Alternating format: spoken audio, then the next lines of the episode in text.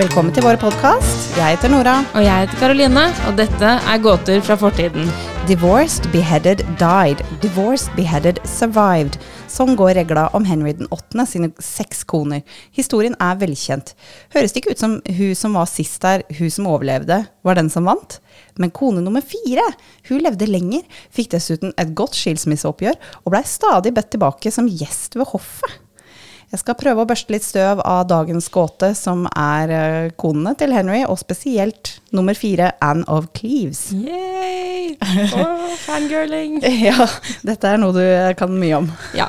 Dette har vi, Vi har jo ja, holdt på med det mye, dette her. det, Dette syns vi er veldig gøy, begge to. Ja, vi har sett The Tudors, og ja, vi har også brukt masse Google og sjekka Ja, fakta underveis. ja, ja, så du har jo selvfølgelig gjort dyp research nå, den går ut ifra. Ja, det stemmer. Eh, først og fremst, gratulerer, Karoline. Jo, takk skal du ha. Nå sitter vi hjemme her hos meg, hos Nora, og Ja. spiller inn. Og nede i stua så er eh, våre partnere med barna. Ja.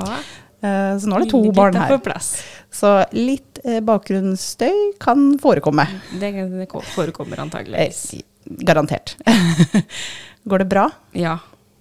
Det har vært litt uh, skummelt å skulle tilbake i podden igjen. Det skjønner jeg, det føles som en veldig lenge siden vi har sittet her. Ja, og det føles- er det jo. Ja, det er det. Ja.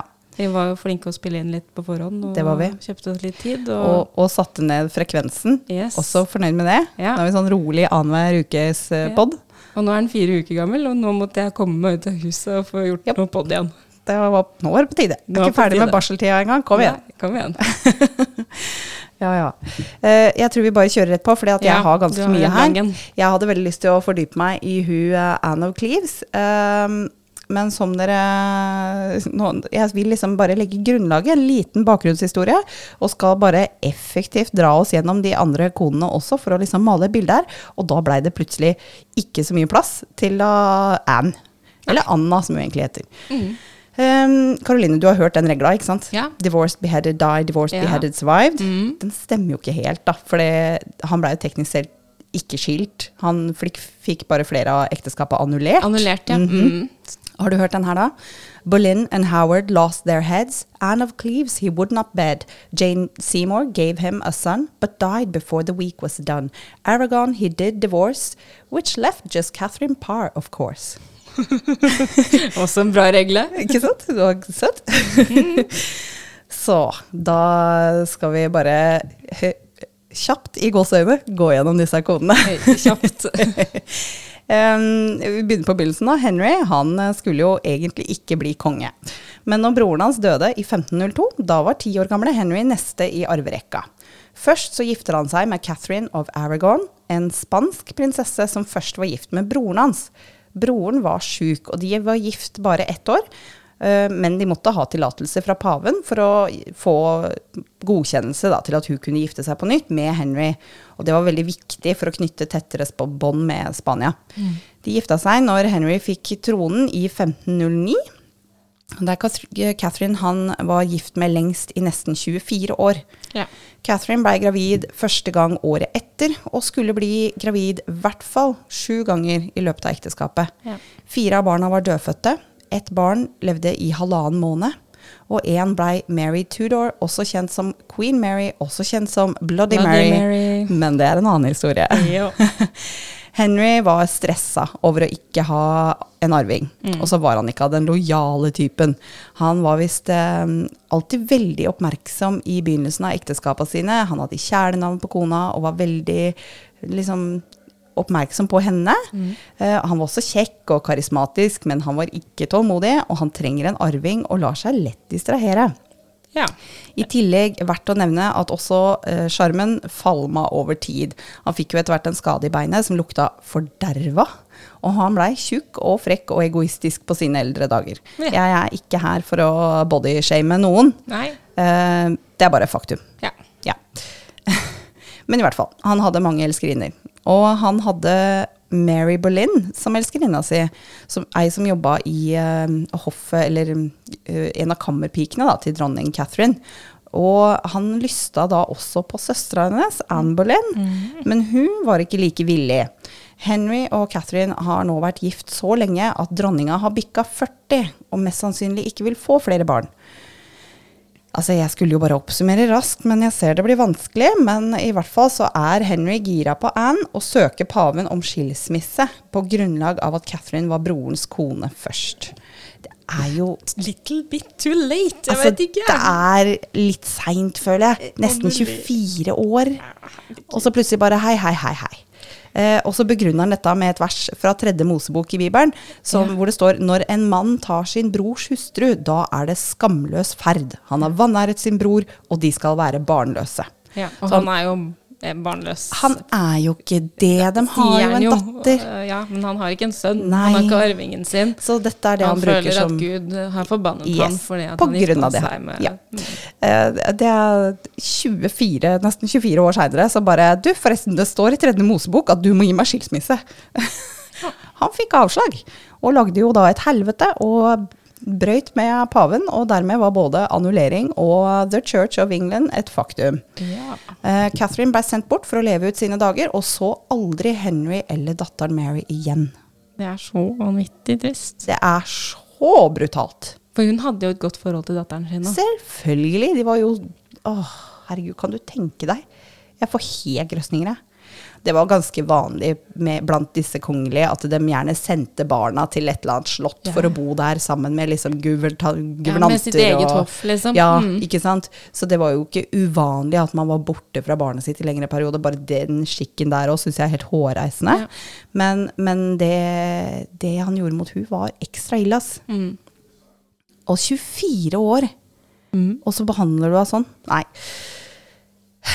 Ja, Egoistisk. eh, Fryktelig egoistisk. Ja.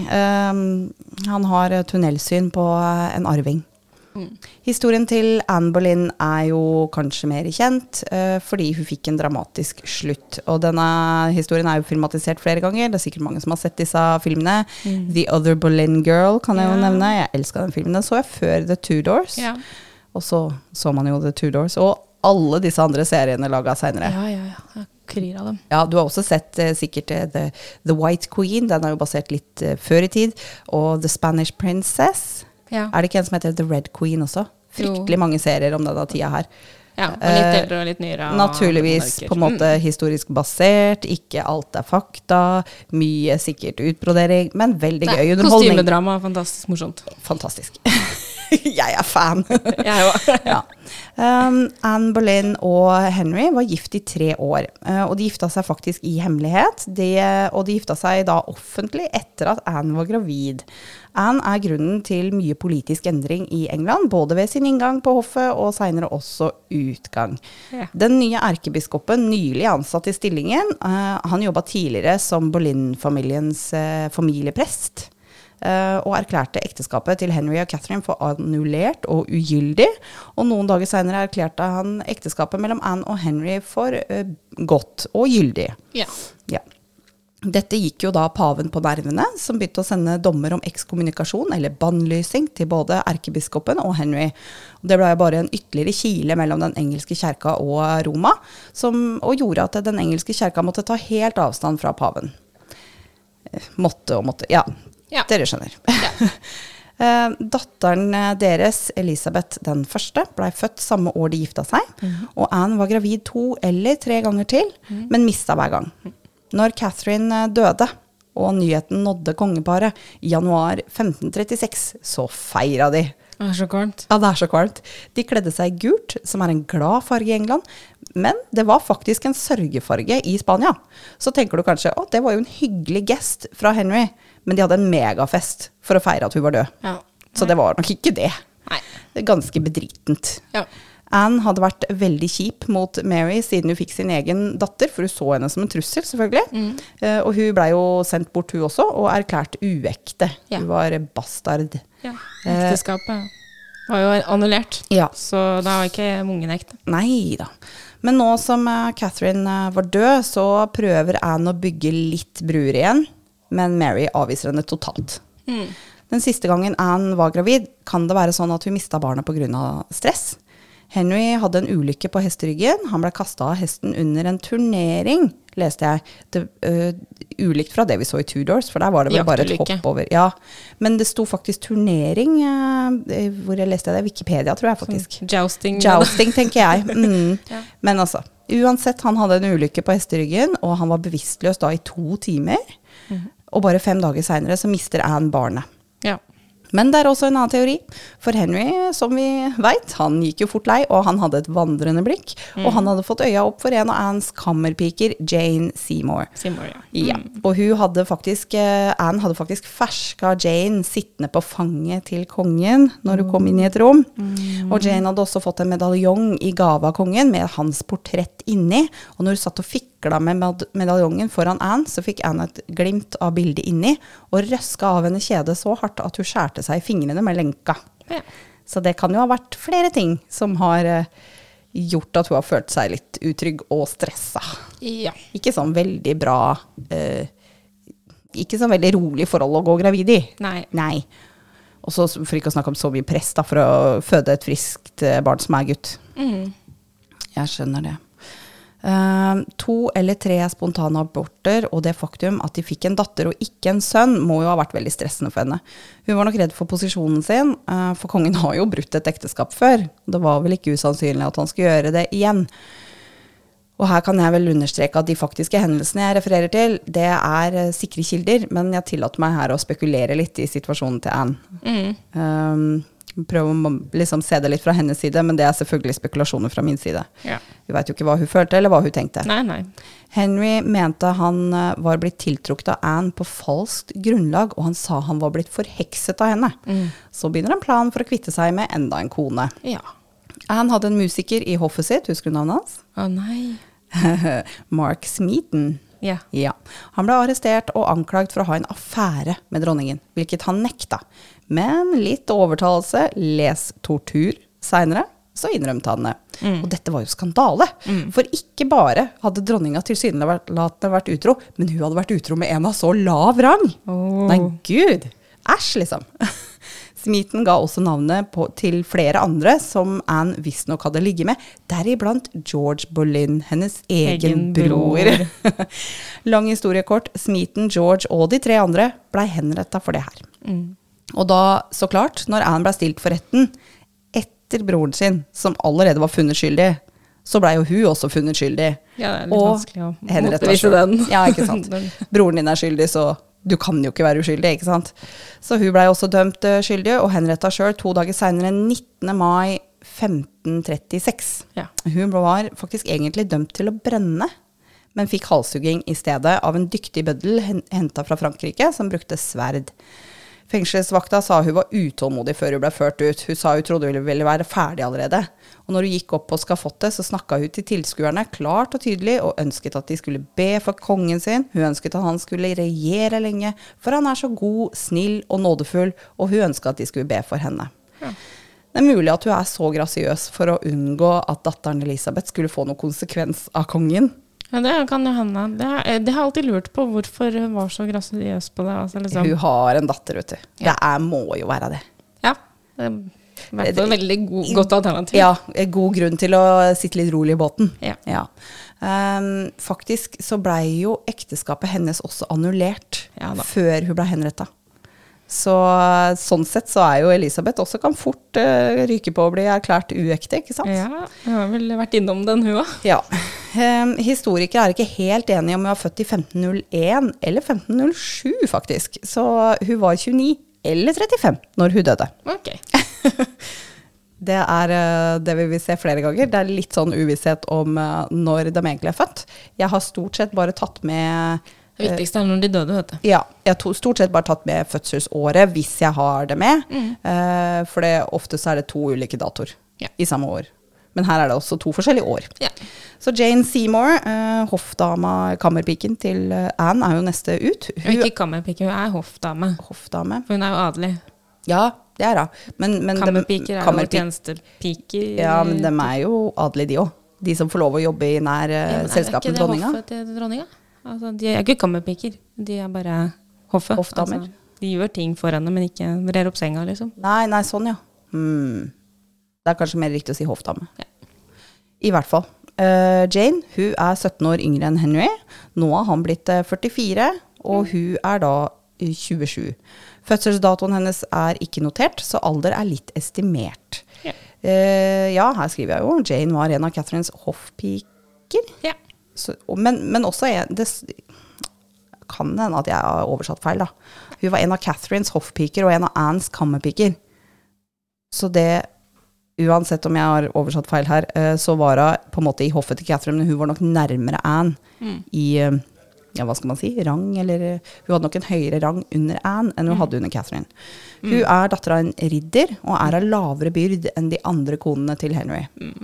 Hun var ikke godt utdanna, og hun kunne bare lese og skrive begrensa. Hun var flinkere på å brodere og styre et hushold og litt mer praktisk type. Ja. Det å styre, styre et hushold og det å brodere var tross alt mye viktigere for en kvinne. Jane er eh, veldig snill og god, og det er sånn i hvert fall samtiden har beskrevet henne. Hun skulle også være god på å løse konflikter, og blei ikke dratt inn i hoffdrama. Hun var lydig og bleik, og husk at bleik er et kompliment. Ja. Eh, og noen beskriver henne som sjarmerende av både utseende og karakter, og andre beskriver at hun ikke var noen stor skjønnhet. Så okay. det aner vi på en måte ikke noe om. Nei, Jeg jeg, jeg, jeg har liksom forstått henne som den vakreste, kanskje, av konene hans. Ja, det, det veit, veit oss ikke. Veit oss ikke, nei. Jeg legger ut selvfølgelig port- Portretter portretter av hele hurven her. Um, men, så, men, men altså, det er vanskelig å si, ikke sant. Fordi at det, disse hoffmalerne ville jo ikke fornærme noen. Nei. Nei. Um, og så er det jo ikke sånn at de er eh, maler realisme som vi tenker realisme i dag. Fordi i dag kan jo folk male fotorealistisk. Mm. Eh, det føler jeg vel ikke kanskje var så utbredt da. Nei, man la vel til litt uh, ja, Litt sånn Spesielt for tids- konger. Og, ja, ja, tidsriktig stil. De Og, større og bedre og ja, ja, ja, ja. mektigere og penere. Og, Ja. Slankere og høyere. og- Ja. um, Jane kommer fra en stor familie, så man antar at hun er like fruktbar som sin mor, som fikk ti barn totalt. Mhm. Godt ekteskap, dette her. Ja, Dagen etter henrettelsen av Anne Boleyn så er Jane og Henry forlova. Og ti dager etter det så er de gift. Jane er varm og sympatisk overfor den avdøde Catherine, og også hennes datter Mary, og dette liker folket godt. Som dronning så var hun ganske konservativ. Hun bannlyste den franske moten som Anne hadde introdusert i hoffet, og var striks og formell. Jane jobba for å få Mary inn i arverekka igjen, etter sine egne barn, naturligvis. Ja, ja. Både før og etter vielsen, faktisk. Sjøl om hun ikke lykkes med det, så får hun i hvert fall forsona Henry med datteren. Det er jo kjempekoselig. Ja. Det er mulig hun var gravid allerede rundt juletider samme år, altså 1536, men hun blei i hvert fall gravid i januar. Hun blei skikkelig fysen på vaktler som Henry fikk bestilt til henne fra Calais og Flandern. Ja. Eh, nå sier jeg eh, Calais som om jeg uttaler det på engelsk, men det er vel egentlig fransk. Men ok. ja. Jeg vet ikke hvordan du uttaler det. Ig ignorer min uttalelse. i, I Frankrike. Ja, men det er jo på den tiden et engelskeid territorie. Eh, sånn var det, vet du. Ja. Hun tok det med ro den sommeren i 37 og trakk seg helt tilbake fra det offentlige og fikk kun besøk av de beste legene og jordmødrene. Og hun fødte ba, ba, ba, en sønn. En gutt. Hurra! 12. oktober eh, 1537, som blei døpt tre dager seinere, den fremtidige kong Edvard den første. Fødselen var vanskelig og varte i tre dager og to netter. Etter dåpen, hvor hun ikke var med, Nei. for det er jo skikken, eh, så blir det åpenbart at hun er veldig dårlig. Ja. Hun dør tolv dager etter hun fødte, 24. oktober 1537. Det er ikke bare bare å føde barn på den Å tida. her, gud, altså. nei. Ikke på denne tida heller, men Nei, altså. nei. Men skulle jeg født da, så hadde jeg også vært død. Eh, Ja, jeg òg. Ja, ikke sant? Mm. Altså, det er så risikabelt. Det er det mest risikable vi gjør. Ja. Har du lyst til å gjøre det igjen, eller? Ja, Jeg òg. gjør det en gang til. Sjuke folk, vet du. Men hva med mora til Jane, da? Ti barn? Å, herregud. Nei, så mange vil jeg ikke. Det høres voldsomt ut. Det, det er høyrisikosport. Um, hun dør da, eh, det kan være fordi at hun ikke har fått ut all etterbyrden, altså morkaka. Det kan ha vært en bakteriell infeksjon. Hun har eh, tross alt kanskje her ligget med åpning, 10 cm åpning rimelig lenge i et ikke-sterilt miljø. Ja. Eller det kan ha vært blodpropp. ja. Jane er den eneste av Henrys koner som får en begravelse verdig en dronning. Ja. Og Mary er hennes chief mourner, som det het. ja. Hovedsørgeren. Så det er hun som går først i prosesjon, med 29 sørgere bak seg for hvert år av Jane sitt liv. ja. Det er jo veldig trist. ja. Jeg syns det. Men alt, er, alt med denne historien er egentlig trist. Ja, det er jo det. Ja, bortsett fra én liten greie som jeg skal fortelle etterpå. Ja, jeg gleder meg. Ja. Ser fram til noe po- positivt. Noe positivt, ja. Eh, Etter Jane døde, så går Henry med svart i tre måneder, og det går hele to år før han gifter seg på nytt. Jeg skal ikke snakke om sønnen deres egentlig, men jeg kan nevne at han blir den eneste av Henrys sønner som overlever barndommen. Han får også en eh, Det er ikke noe politisk korrekt måte å si det på, men en uh, lausunge. han hadde en elskerinne, så han, han fikk en sønn med. Ja. Um, Fitz, Fitz, Fitzpatrick Ja, er det ikke det de heter? Et eller annet, ja. Bastardene. Ja, dem, dem, hvert fall han hadde en sønn til, men, eh, men eh, Edward eh, blir den eneste av sønnene hans som overlever barndommen, men han blir heller ikke gammel. Han var en del sjuk det siste året sitt, med perioder med feber, og han blei bare 15 år. Men han rakk å være konge i seks år, da. Ja. Overleve barndommen. Ja, nu vel. Nu vel. Blei ikke myndig. Nei. Men eh, det var ikke han vi skulle snakke om. Nei. Anne of Cleves, eller Anna von Kleve om du vil, var en tysk prinsesse født i 1515. Det er altså 24 år mellom henne og Henry. Eh, hun blir beskrevet som en tysk prinsesse. Jeg veit ikke helt hvor korrekt det er, for at eh, Tyskland da består av masse sånne små, små, hertugdømmer, og, og faren hennes var duke. Hva er det? Hertug? Ja. Ja, det er det jo. Ikke sant. Men, men hun blir beskrevet eh, som tysk prinsesse. ja. Men de hadde jo enevelde i sine Altså selv om de var duke eller Ja. hertug, så Ja. var det jo enevelde. Så jeg mener at de hadde prinser og prinsesser. Ikke sant? Som, altså, det var det de At det var tittelen. Ja, ikke sant. Men det, men det er jo ikke på en måte prinsesse som vi tenker datter av en konge.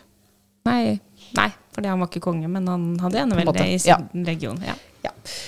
Um, um, hun er, jeg kaller henne Anna, jeg. For det er jo det hun faktisk heter. Ja.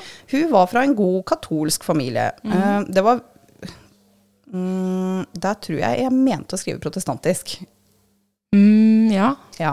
Nå ble Eh, jeg usikker. Ja, nei, men altså, det er noe greier med det her, skjønner du, som jeg skal fortelle om etterpå. Fordi hun er faktisk oppdratt uh, katolsk. Ja. Men så er det jo en reformasjon på gang. Mhm. Og Og faren hennes spesielt i Tyskland. Ja, og faren hennes er vel også egentlig katolsk, men eh, han er veldig tolerant. Mm. Så det er veldig viktig for Henry å ha støttespillere i Europa og, og knytte kontakter til andre europeiske kongehus, spesielt fordi han driver og kjekler med både paven Ja. og eh, Holy Roman Emperor, Yes. eh, hva heter det, keiser av det tysk-romerske riket. Um, han hadde jo nå en sønn, han Henry, men det er jo lurt å ha en i backup, så han var nødt til å gifte seg på nytt. Mm. Så de sender ut hoffmaleren sin, Holbein, for å male både Anna og søsteren. Broren deres ville ikke la maleren få se direkte på fjesa deres.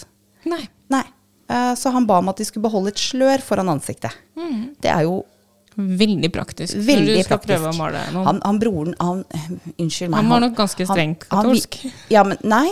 Han er raddis, skjønner du. Så for han er protestant. Ok. Ja, det er derfor familien er så tolerant. Eh, men han virker som egentlig en kødd. Um, altså, rett før eh, Anna gifter seg med, med Henry, så dør eh, faren hennes også, så det er jo broren som på en måte er lederen her. Ja. Eh, han dør året før, så det kan godt hende han er lederen allerede nå, når han ber jentene ha på det sløret. ja. Men uh, i hvert fall, uh, det hadde de.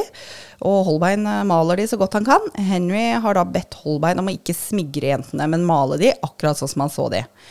Henry likte utdanna og sofistikerte damer, og det var ikke Anna. Hun kunne lese og skrive, men bare på tysk. Og hun hadde aldri fått noe formell skolegang, men likte broderi og kortspill. Hun var snill, hadde høy moral og var medgjørlig, attributter som kongen ville sette pris på.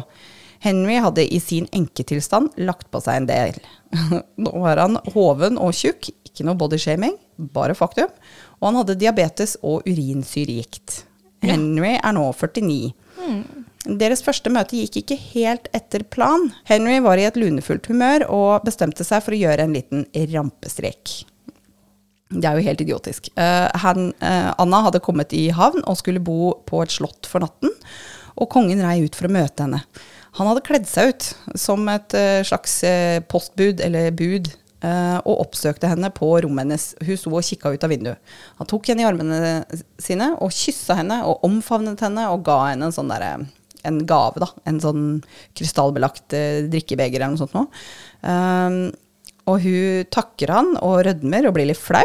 Litt satt ut, tenker jeg. Og fortsetter ja. å se ut vinduet. Og Henry han blir irritert og forlater rommet. Og det her er jo på en måte, det er jo flere som står der, som veit at det er kongen.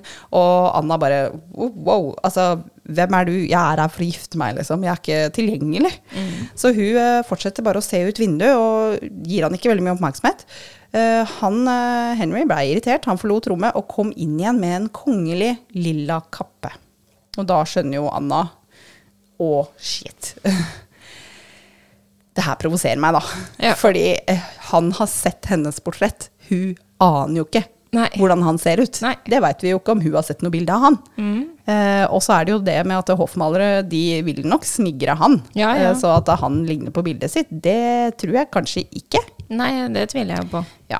Så eh, han bare gjorde det og eh, antok han skulle få den varme velkomsten. Jeg skjønner ikke det. Er det ikke bra tegn at hun ikke gir oppmerksomhet til en hun ikke tror er kongen? Eh, helt riktig. Nei. Men egoet hans var såra, da. Ja, selvfølgelig. Til tross for fadesen som var deres eh, første møte. Medgiften er allerede betalt, eh, og Henry vil ikke lage seg noen fiender. Så de gifter seg da 6.1.1540, til tross for at han prøvde å finne en utvei fra forlovelsen. Okay. Han var visstnok helt i sjokk over Anna sitt alminnelige utseende. Han var så sjokkert at han ikke greide å fullbyrde ekteskapet. Ja, ja. Ja. Etter bryllupsnatta sier Henry til sin, rådgiver Cromwell I liked her before not well, but now I like her much worse. Åh, åh, åh. Altså, Anna hun er bare god og medgjørlig og snakker bare godt om kongen. Allerede 24. juni samme år så blir hun bedt om å forlate hoffet. Og mest sannsynlig her så veit ikke hun at kongen ikke liker henne. Fordi han er veldig, veldig høflig og oppmerksom på henne når de er på en måte ute i selskap sammen og til fjeset hennes. Men i på en måte i renkene her så driver han og prøver å kvitte seg med henne.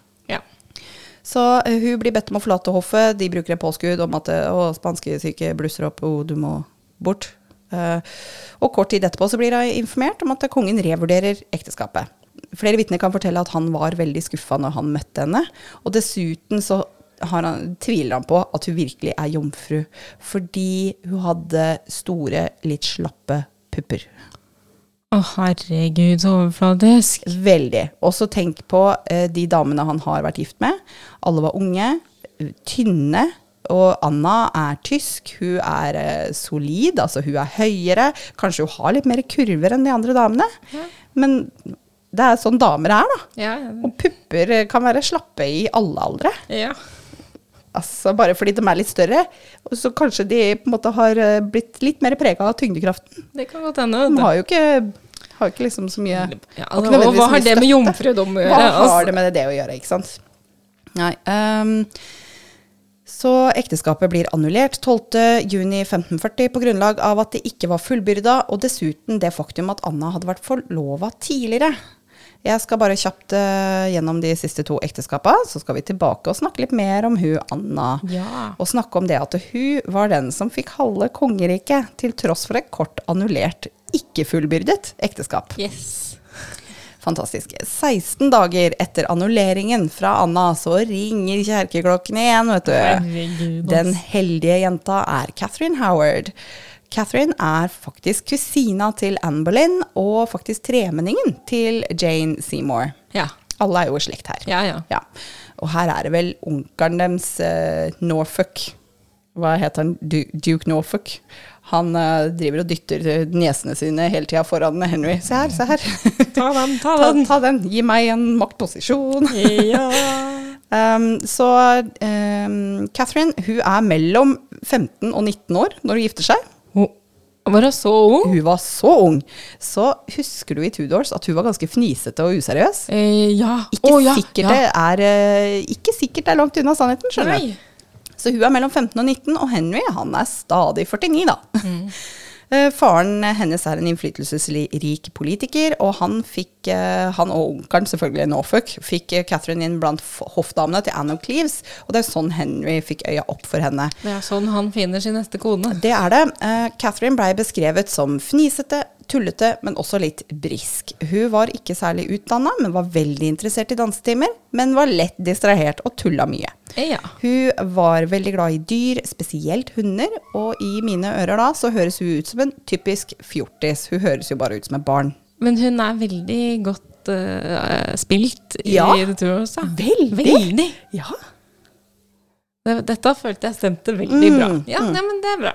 Eh, Henry han slår meg jo nå som rent pedo, men unnskyld meg, det er 2022, Nora, som dømmer fortida hardt. Yes. For det, sånn var det jo ikke. Eh, likevel, da, så er det ikke sikkert at hun var rein uskyld. For hun hadde hatt et nært forhold til en musiker, en musikklærer. Og det er usikkert på om dette var gjensidig eller litt mer overgrep, men det var nok noe som foregikk mellom de to før hun gifta seg. Dette kom fram seinere, når hun blei avhørt. Thomas Culpepper, som var en kjær venn av Henry og medlem på hoffet, og han var både i slekt med Anne Boleyn og eh, Catherine, men Thomas og Catherine de møttes også privat. Altså da Catherine Howard. Altså det, alle heter jo Anne eller Catherine, Eh, ja. bortsett fra Jane. ja. Men nå snakker vi om Howard. Um, og de møttes privat, og da er de i gang, vet du. For dem er, ikke, dem er i slekt, som jeg nevnte, men ikke i nær slekt. Nei. Han er en fjern tremenning av moren hennes, eh, eller noe i den duren. Så det er ikke veldig incestiøs sjøl etter liksom moderne standard. De eh, møtes, de er venner, og møtene tar ofte plass på soverommet. Og de kan ha diskutert politikk, eller ikke. ja. Et brev til Thomas er eh, signert Catherine med avslutningen 'Din så lenge livet består'. ja. Ja. Høres ut som et kjærlighetsbrev. Ja. Og Thomas eh, skrev brev til henne og kalte henne 'My sweet little fool'. Mm, Trivelig. trivelig. Så Thomas han blir anklagd da for å være kjødelig med dronninga, for å si det sånn. Hvilket han fornekter. Han sier han har prøvd å avslutte vennskapet, men at dronningen er syk av kjærlighet for han. Eh, til slutt så innrømmer han at han hadde hensikt i å ligge med henne, men han nekter fortsatt for å ha gjort det. Okay. Det var en av kammerpikene til eh, Catherine, eller hoffdamene, som la til rette for møtene, og det var også hun som sladra. Og den dama er Jane Boleyn, enka til George Boleyn, som er broren til Anne. Og hun kan jo ha vært vondbråten for hele situasjonen hun var i, så det kan Ja. jo hende det ikke var sant. Det hun, kan det eh, hende. hun er jo enke fordi at eh, George Boleyn ble jo henretta sammen rett før Anne. Eh, men det hadde også kommet fram at det var folk fra fortida til Catherine som pressa henne for penger for å ikke, være, for å ikke sladre om at hun har vært, vært løssluppen. I hvert fall så er Henry og Catherine gift i litt over et år før Catherine blir strippa for tittelen dronning, og i februar 1542 blir hun halshugd. Ja. Og samtidig da, bare sånn, for å liksom rydde opp alle løse ender her, så halshugger de også Jane Boleyn. ja. Så Og Coldpepper ryker vel på denne her òg. Thomas og en tidligere flamme av Catherine, Frances Deraham, Mm. eh, blir også da henretta eh, 19... Eh, 19? Nei, jeg har skrevet så feil.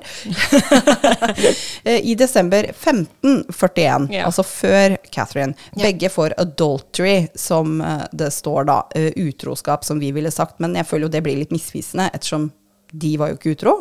Men la oss si dommen var kjødelig kjennskap til dronninga, da, for å si det sånn. De var pent. med på å være utro. De var med på, ja, visstnok. Allegedly. Siste på lista over koner er Catherine Parr. Hun er Henrys third cousin once removed. Har du snubla over det?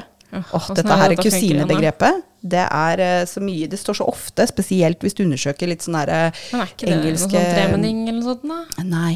Nei jeg, jeg har googla det, skjønner du. Okay, For dette har jeg snubla over så mange ganger at det irriterer meg. Uh, fetter er jo cousin, og second cousin blir jo da tremning. Og third cousin blir jo da firmenning. Ah, Og once removed betyr at vedkommende er en generasjon yngre enn deg. Så det vil si at Kath, det er ikke Catherine som er Henrys eh, firmenning, men hun er dattera til hans, Hans firmenning. firmenning. Ja. Ikke sant? Når du skal holde styr på det, det, da vil jeg ikke si nesten de er i slekt engang. Nei. Men ok. Ja, ja. Eh, Da har vi rydda opp i det. Eh, Catherine hun er født i 1512, og hun og Henry gifter seg i 1543. Catherine er da 31 år. Henry er 52. Ja. Det var hos Mary hvor Henry først eh, så henne. Og da hadde hun egentlig begynt å flørte med Thomas Seymour. Men når Henry fridde, så så hun det som sin plikt å takke ja. Ja. Catherine er en ganske interessant dame. Jeg kunne godt kanskje ha gjort en episode om henne, men det blir ikke denne. Nei, neste gang. Kanskje det. Hun kan fransk, latin og italiensk fra før, og lærer seg spansk når hun blir dronning. Hun var veldig kunnskapstørst og har ingen tålmodighet for broderier og den slags. Hun faktisk sa til moren sin en gang, når hun blei pressa til å eh, skulle sitte og brodere, så sier hun at disse hendene er ikke til for å brodere, de er til for å holde i septer. Og det er så kult! Hun høres ut som en kul dame. Um, hun, um, hun er faktisk den første kvinnen som har utgitt en bok under eget navn i England. Ja, for det går kanskje an når du får litt titler og Ja. sånne ting. Hun er også den dronninga som har vært gift flest ganger. For Ja. hun var allerede gift to ganger uh, når hun møtte Henry. Ja. Og hun, uh, hun får et nært forhold til Henrys tre barn, og spilte en viktig rolle i å få alle inn i arverekka igjen, også Mary og Elizabeth. Catherine er eh, venn med Mary ettersom hun kjente moren hennes godt. Hun var god venn med Catherine of Aragon. Ja. Um, så det var jo der de møttes. Um, når Henry etter hvert dør, så lever Catherine nesten to år lenger enn han. Uh, hun gifter seg litt for fort i forhold til hva som egentlig var sømmelig, med Thomas Seymour, Ja. som hun møtte egentlig før Henry, som var faktisk broren til Jane Seymour, og onkelen til kong Edward, som tok over tronen. Og hun døde rett etter fødselen til sin eneste datter, Mary Seymour. Mm. Henry var som sagt overvektig mot slutten av livet. Han var kjekk og høyreist når han var ung, men mot slutten hadde han et midjemål på 140 cm.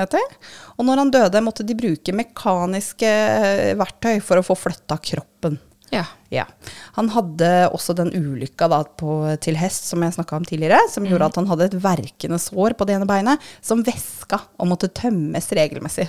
Åh. og det lukta visstnok. Ja, det vil jeg tro. Oh. Dødt vev. Ja, gud. Han la på seg en del når han ble enke etter Jane Seymour. Så Anne of Cleves, Catherine Howard og Catherine Parr gifta seg nok med en mindre og mindre attraktiv konge. Han er begravd ved siden av Jane Seymour, hun som tragisk nok døde etter hun hadde født arvingen hans. Ja, og det var liksom det jeg tenkte var introen. da. Dette er introen, ja.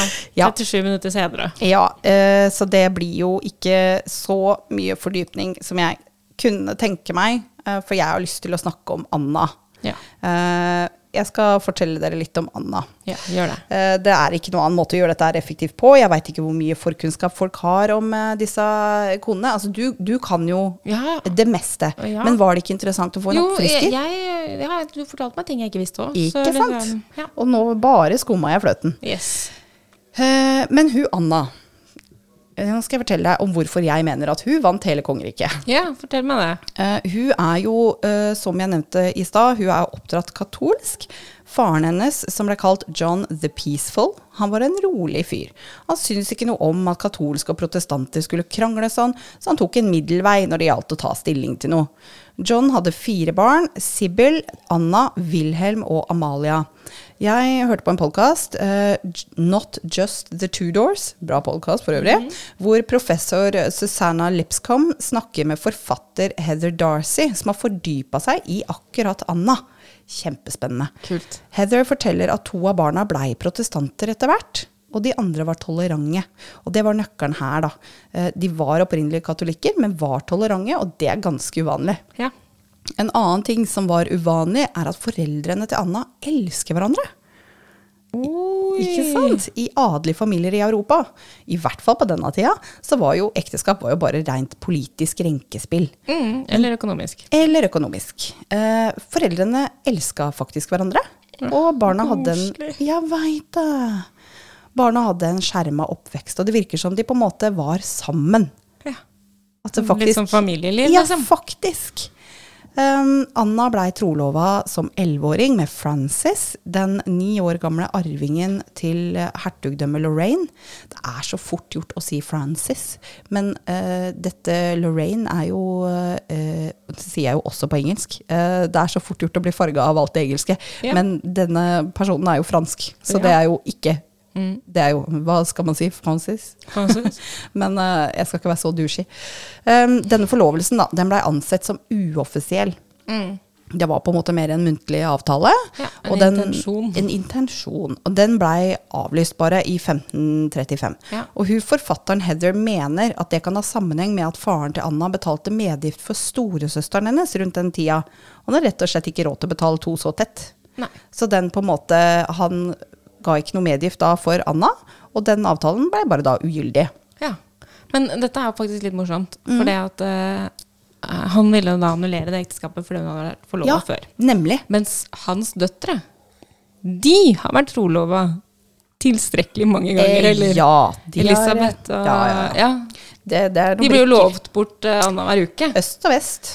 Mm. Så åssen skal det gå for hans døtre når de skal gifte seg? Skal de også få annullert ekteskap? Ja, nå blei vel faktisk ingen av de egentlig gift. Nei, men Men, eh, men han kaster stein i glasshus, ja. Ja, veldig. Ja, ja.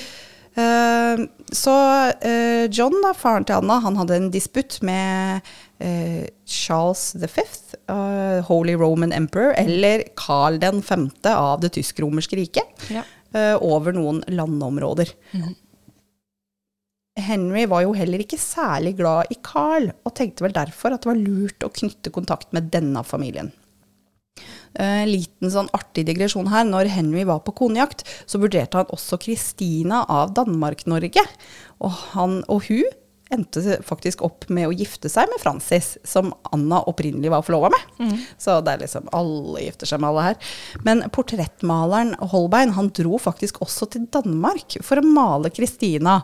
Og hun har for anledningen da kledd seg helt i svart med en ettersittende svart lue eh, ikke gjort seg sånn veldig attraktiv for anledningen. Nei. Det er litt sånn eh, heftig sånn mm, Nei, jeg vil ikke.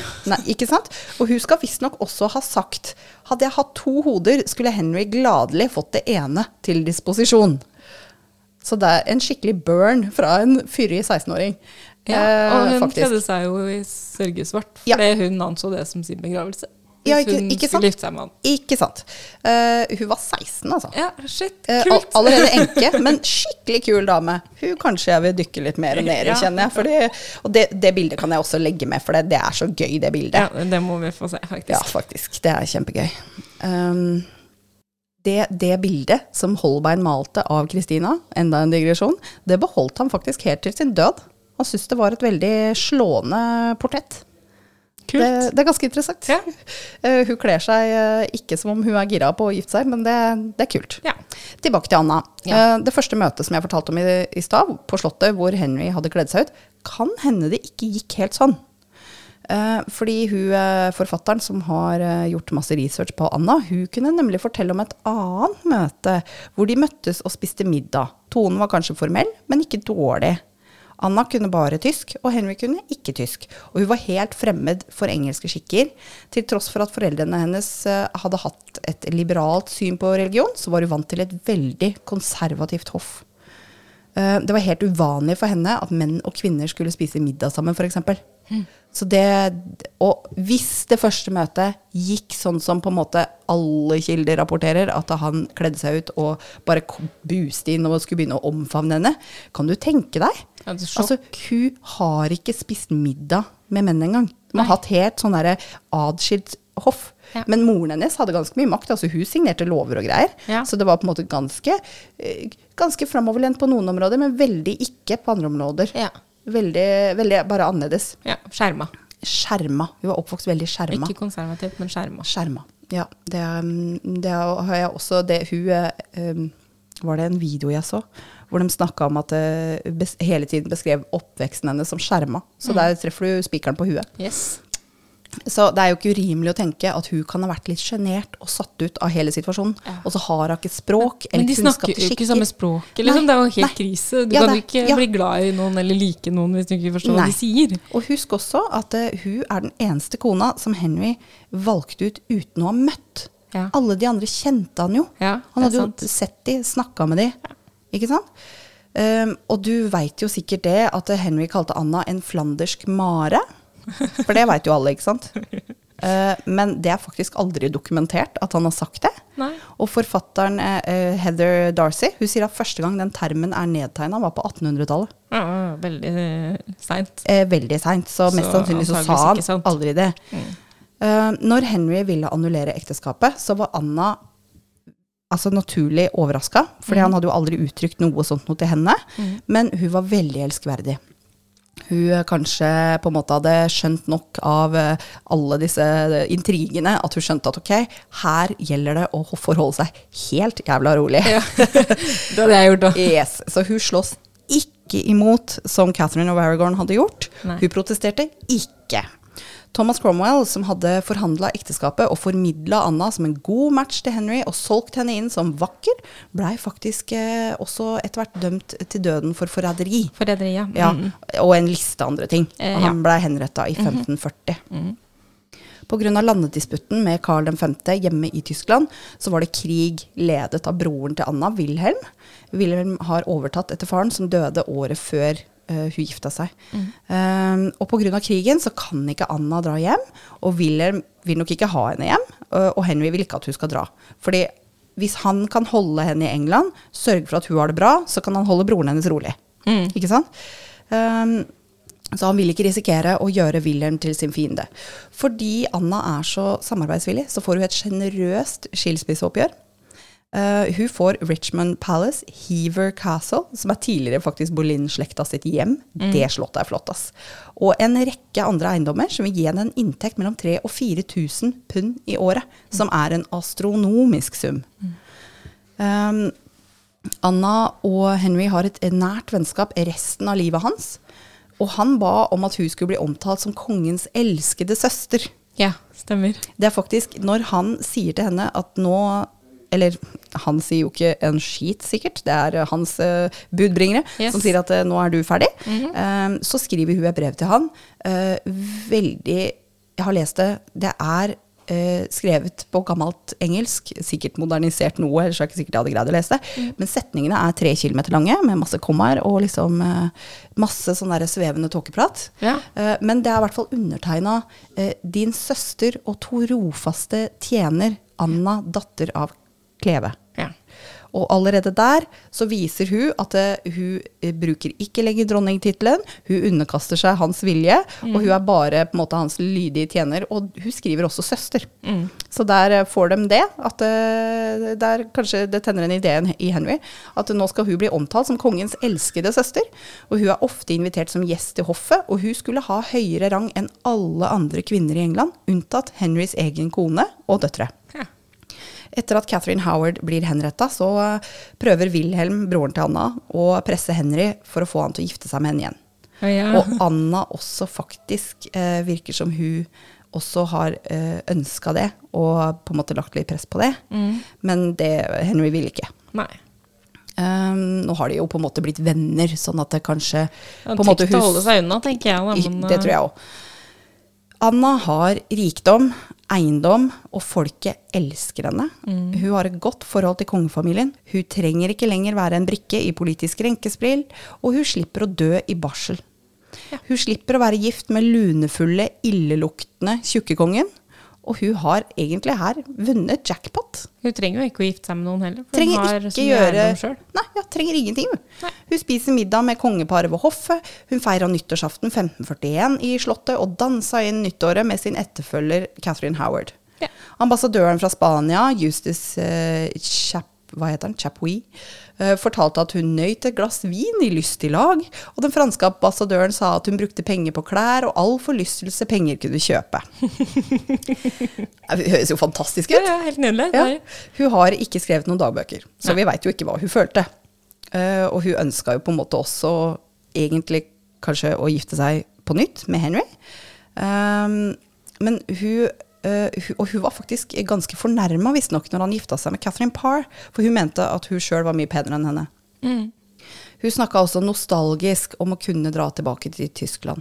Ja. Og når Henry var død, og Edward også døde, og den tidligere stedatteren Mary tok over tronen, så var Anna der under kroningen. Hun kom faktisk eh, til kroninga i samme vogn som Elisabeth.